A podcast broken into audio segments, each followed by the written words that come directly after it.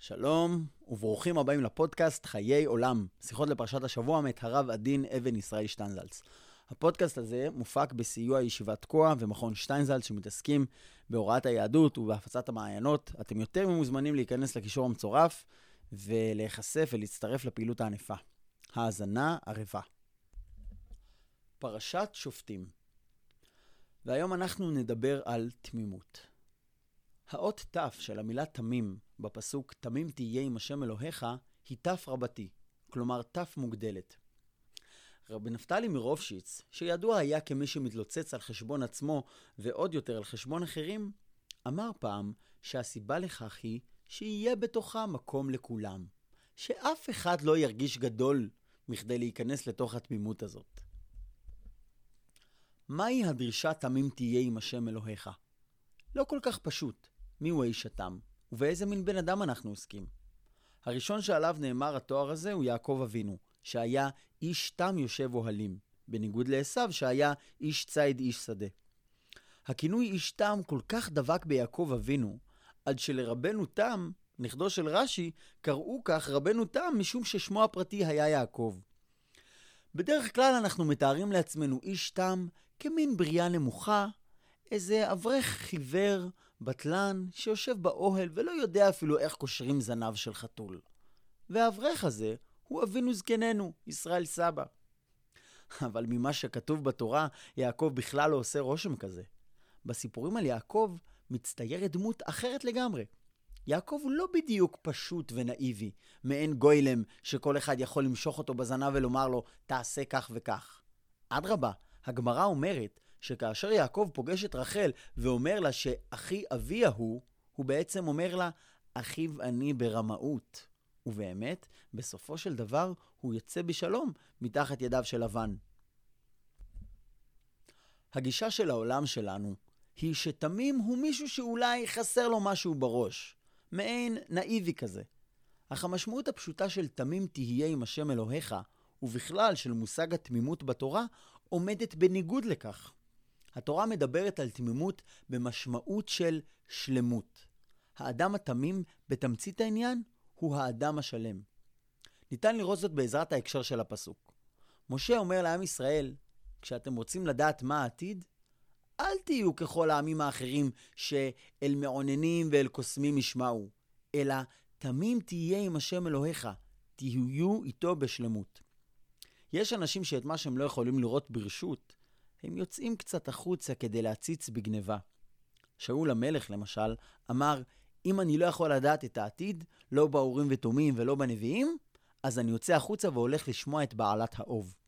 בשביל לראות משהו שמעניין אותי, שמסקרן אותי, שחשוב לי, אני יוצא החוצה להציץ. אז תמים תהיה עם השם אלוהיך, פירושו במובן הזה, שלם תהיה איתו. באותו האופן בו מתארים חמור ושכם את בני ישראל באוזני בני עירם, בספר בראשית. האנשים האלה שלמים הם איתנו. להיות שלם עם השם אלוהיך, פירושו להיות בשלמות בתוך נחלתו של הקדוש ברוך הוא, ולא לצאת החוצה להציץ מה יהיה, כמה יהיה, או באיזה אופן יהיה.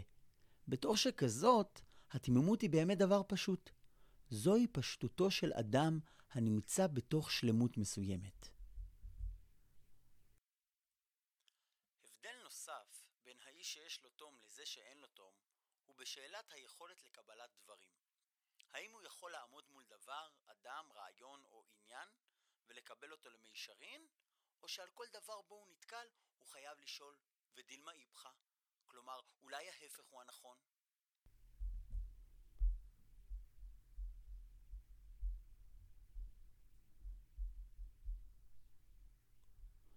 יסוד התמימות נמדד בתגובתו הראשונית של האדם. האם האדם חוסם מיד כל דבר שהוא פוגש, או שמא הוא בא עם נכונות לשמוע ולקבל? אחרי הקבלה הראשונית, בוודאי שיש מקום לחקירה ולבדיקה, עיון וחיפוש, ולפעמים באמת מגלים על משהו שהוא איננו ראוי. אך יש להתבונן מהי התגובה הראשונית. על פירושו של רש"י לביטוי איש תם, הוא כותב שאיננו חריף לרמות. והסבירו שאין הכוונה לאדם שאיננו יודע לרמות, ואיננו מבין מהי רמאות. חריף לרמות הוא אדם שמחשבתו הראשונה היא איך לסדר את הזולת. או כמו שכתוב בספר ישעיה, לא תאמינו כי לא תאמנו. במדרש מסופר שכאשר הקדוש ברוך הוא הציע את התורה לישמעאלים, הם שאלו, מה כתוב שם? ואילו ישראל אמרו מיד, נעשה ונשמע. הגמרא מביאה סיפור שמין אחד הגיע לפני רבא, ואמר לו, עם פזיז אתם, שהקדמתם פיכם לאוזניכם, בזמן שאמרתם נעשה ונשמע. השיב לו רבא, אנו, שהולכים אנו בשלמות, כתוב בנו, טומאת ישרים תנחם. אבל אתם, ההולכים בעלילה, כתוב בכם, וסלף בוגדים ישדם. זוהי בדיוק הנקודה עליה עומדת התמימות. האם המשפט הראשון שאומרים הוא נעשה ונשמע, או שקודם לכן שואלים מה כתוב שם? האם זה אומר שליהודים יותר קל לקיים את התורה מאשר היה לישמעאלים או לאדומים? ניתן לומר כמעט להפך. לישמעאלים יש אמנם בעיה אם לא תנאף. לאדומים יש בעיה אם לא תרצח, אבל לעם ישראל, או-הו, יש בעיה עם כל עשרת הדיברות מתחילתם ועד סופם. ובכל זאת, הגישה של בני ישראל היא, הקדוש ברוך הוא נותן לנו את התורה. אז קודם כל אנחנו לוקחים אותה. אחר כך, אם תהיינה בעיות, נעשה את המאבק, את ההתמודדות, את החשבונות הפנימיים והחיצוניים. ההבדל בין ישראל לעמים הוא ההבדל בין התמימות לחקירה. זוהי הנכונות לקבל דבר כמות שהוא, מבלי להרגיש שחובתי הראשונה היא לפרק לו את הידיים ואת הרגליים, להוציא את המנגנון מבפנים ולראות איך זה פועל, ורק אחר כך לחשוב עליו אם אני מקבל אותו.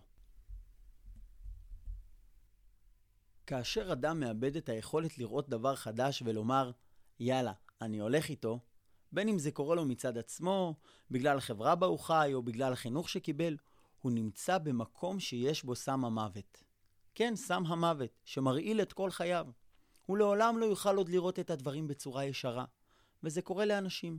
הם מגיעים למצב בו הם מניחים שמאחורי כל חיוך מסתתרות מחשבות נבזיות. הם מאבדים את היכולת הפשוטה, כשבאמת יש דבר טוב, להכיר בו ולקבל אותו. ואולם, גם להיות תמים זה קשה. אולי לא בשביל אדם שמעולם לא היו לו אכזבות עם בני אדם. לאדם שאף פעם לא בעטו בו מאחורנית, קל יותר להתייחס לאנשים לפי פרצופיהם. הוא מרגיש את עצמו הרבה יותר נוח עם הבריות, ואם מישהו מחייך אליו, אז הוא מחייך בחזרה. הבעיה קיימת בעיקר אצל אלה שכבר נתקלו בכל מיני דברים, והם בכל זאת צריכים ללכת בתמימות. וזה, זה לא פשוט. חלק ממה שאנשים לומדים במהלך חייהם, לטוב ולרע, הוא שהעולם הוא מורכב, ולא כל דבר תוכו כברו, ולהפך. ועל אף הצורך להלך בתמימות, גם זו חוויה שצריכים ללמוד. אמנם לא כל מה שנראה דוחה מבחוץ דוחה גם מבפנים, ולא כל מה שנראה מפחיד באמת צריך להפחיד אותי, אך גם להפך, לא כל דבר יפה הוא באמת יפה כפי שהוא נראה. אלא שלפעמים, לאחר שאדם קלט שאסור לקבל כל דבר בתמימות, הוא כבר לא מסוגל לקבל שום דבר באופן הזה. יכול להיות שאחרי שהאדם הראשון אכל מעץ הדעת, הוא רצה לירוק אותו. משום שמן הסתם הוא גילה תכף ומיד שיחד עם העונג שבידיעה, בא גם הרבה מאוד כאב. הקושי והטרגדיה הם שאחרי שאדם טעם את הפרי, אחרי ליקוק כהוא זה מעץ הדעת, קשה מאוד לירוק אותו. מסופר על יהודי צדיק שהגיע לרבו ואמר לו, כשאני מתפלל, אני רואה מול עיניי אותיות של אש. אז הרבי אומר לו, תשמע תלמידי, אלה הן אותיות של כוונות הארי. אמר היהודי, רבי, הייתי מעדיף לא לראות את האותיות האלה, ולהתפלל בכוונה בה הייתי מתפלל קודם לכן. ענה לו הרבי, תדע לך, בשביל ללמוד את כוונות הארי, ובכל זאת לא לראות את האותיות האלה, צריך להיות במדרגה הרבה יותר גבוהה ממה שאתה. מה בכל זאת אפשר לעשות? בשו"ת הריבש מובא שרב שמשון מקינון היה אומר, אני מתפלל לדעת זה התינוק. כלומר, באותה הדעת, באותה התמימות שיש לילד קטן. רב שמשון מקינון מחבר ספר כריתות על כללי הש"ס, היה רב גדול מכל בני דורו, כפי שאומר עליו הריבש. וגדולתו, בין השאר, הייתה בכך שאחרי כל הדברים שידע וששמע, הוא ידע להתפלל לדעת זה התינוק. בימינו יש עבודה בתפילה, שאולי בדורות הראשונים לא הייתה כל כך נזקקת. עבודת האדם בתפילה כיום היא לא רק לסלק את הבלבולים, בין אם אדם חושב למנות אפרוחים או מחשבות זרות אחרות, הבעיה הכי קשה היא שאדם לא יכול להתייחס לעניין כפי שהוא, אלא חייב בעל כורחו לעשות כל מיני ניתוחים בתפילה. כיום, כשאדם רוצה להתכוון, הוא חייב לעשות ניתוחים לשוניים, היסטוריים, פילוסופיים, ואפילו ניתוחים על דרך הסוד או על דרך הניגלה, ולא יכול לקבל את התפילה כפי שהיא. הוא לא יכול לשמוע את ברכת סלח לנו בפשטות, מבלי לדון האם מכל לנו זה לפי כללי הדקדוק או לא, האם זו הצורה הנכונה או לא, ועוד דברים כיוצא באלה. כן, הנה, עכשיו מגיע ראש השנה, שנה חדשה. כשאדם שומע תקיעת שופר, עם כל העניינים שבזה, הוא צריך לזכור את הדבר הפשוט. אם ייתקע שופר בעיר ועם לא יחרדו, זמן התקיעה עשוי בשביל החרדה הזו. ובמקום זה אדם יושב ומסתכל כמה זמן נמשכה התקיעה, האם השברים היו בסדר, והאם התוקע לא התבלבל בשעת התרועה ותקע עשר פעמים ולא תשע.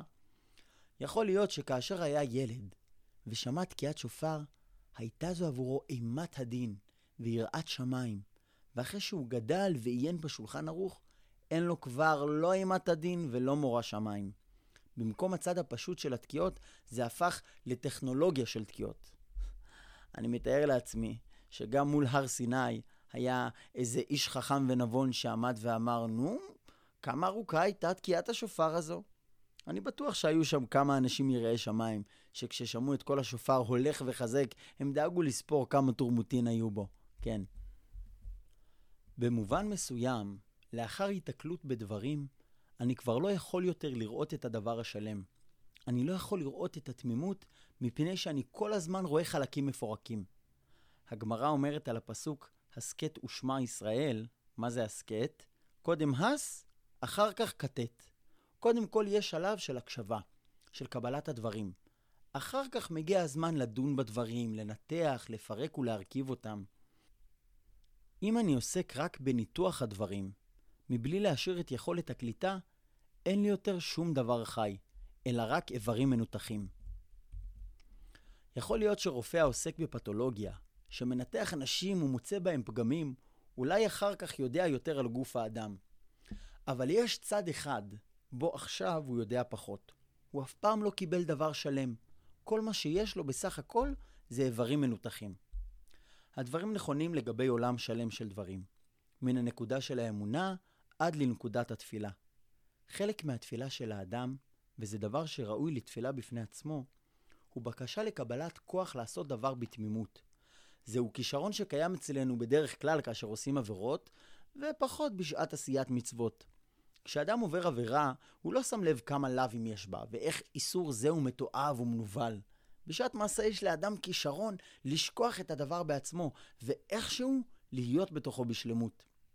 צריך תפילה על הכישרון לעשות גם את המצוות בשלמות, בלי כל החשבונות מסביב. התחלתי באמרתו של רבי נפתלי מרופשיץ, על התף של המילה תמים, ב"תמים תהיה עם השם אלוהיך", שלפעמים נדמה לי שאני כבר איש גדול. לילדים זה טוב שהם שומעים תקיעת שופר ועיניהם מלאות דמעות, אבל איש גדול כמוני, איש חכם שלמד כל כך הרבה על התקיעות, אני, מה, אני יכול לעשות דבר כזה? אבל זה בדיוק מה שרב נפתלי מרופשיץ אומר. הוא אומר שתמים תהיה עם השם אלוהיך, זה שאפילו לאיש גדול כזה, יש מקום להיכנס לתוך התמימות, וזה חלק ממה שמוטל עליו לעשות. פרשת שופטים נקראת כל שנה בסמוך לראש השנה, ודרכו של ראש השנה שהוא תמיד מגיע, בין אם אני רוצה ובין אם לא. ביום הגדול הזה, יום הדין ויום הזיכרון, יש צד מסוים של שיוויתי ודוממתי. ואכן, המצווה בראש השנה איננה לתקוע בשופר, אלא לשמוע כל שופר, להיות מסוגלים להקשיב ולקבל. ההתחלה שבראש השנה היא משמעותית, מפני שהיא קובעת את כיוון ההתקדמות, ואם אני מתחיל ללכת בזווית לא נכונה, יש סיכוי גבוה יותר שזה ימשיך כך גם הלאה. בראש השנה, שהוא במובהק יום של תפילה, יש מנהג בישראל לקרוא פרקי תהילים. ורבים קוראים את כל ספר תהילים פעמיים. אחת הסיבות לכך היא שאם אדם צריך להספיק לקרוא את כל הספר פעמיים, הוא בדרך כלל לא יכול לעשות את זה ביחד עם כוונות הארי. ואפילו לא עם פירוש דעת מקרא. הוא נאלץ לקרוא את זה אולי כמו שהוא קורא ספר, לקרוא ולהגיב. לפעמים הוא מגיב, זה לא יפה. לפעמים הוא מגיב, זה בדיוק מה שאני חושב. ולפעמים, זה באמת מה שהייתי רוצה להתפלל. בוודאי יש יהודים חכמים ויראי שמיים שבטח לא יהיה להם זמן לכל הדבר הזה, ולכן גם בתהילים הם מן הסתם לא יגיעו עד לפרק קל"א, כי זה כל כך רחוק. אבל אני חושב שפרק זה מראה איך להיות עם הקדוש ברוך הוא בתמימות. שיר המעלות לדוד, השם לא גבה ליבי, ולא רמו עיניי, ולא הילכתי בגדולות ובנפלאות ממני. אם לא שיוויתי ודוממתי נפשי, כגמול עלי אמו, כגמול עלי נפשי. יחל ישראל אל השם מעתה ועד עולם. כשם שתינוק קטן, אפילו שהוא כבר גמול, יושב עלי אמו, כך יכול להיות איש גדול וחכם, שאחרי כל הידיעה ואחרי כל התיאורים, שגם הוא יושב ככה בתפילה, כגמול עלי נפשי, אל מול הקדוש ברוך הוא. שנזכה ונחיה ונראה ונירש. גיד שבס, גיד שבס.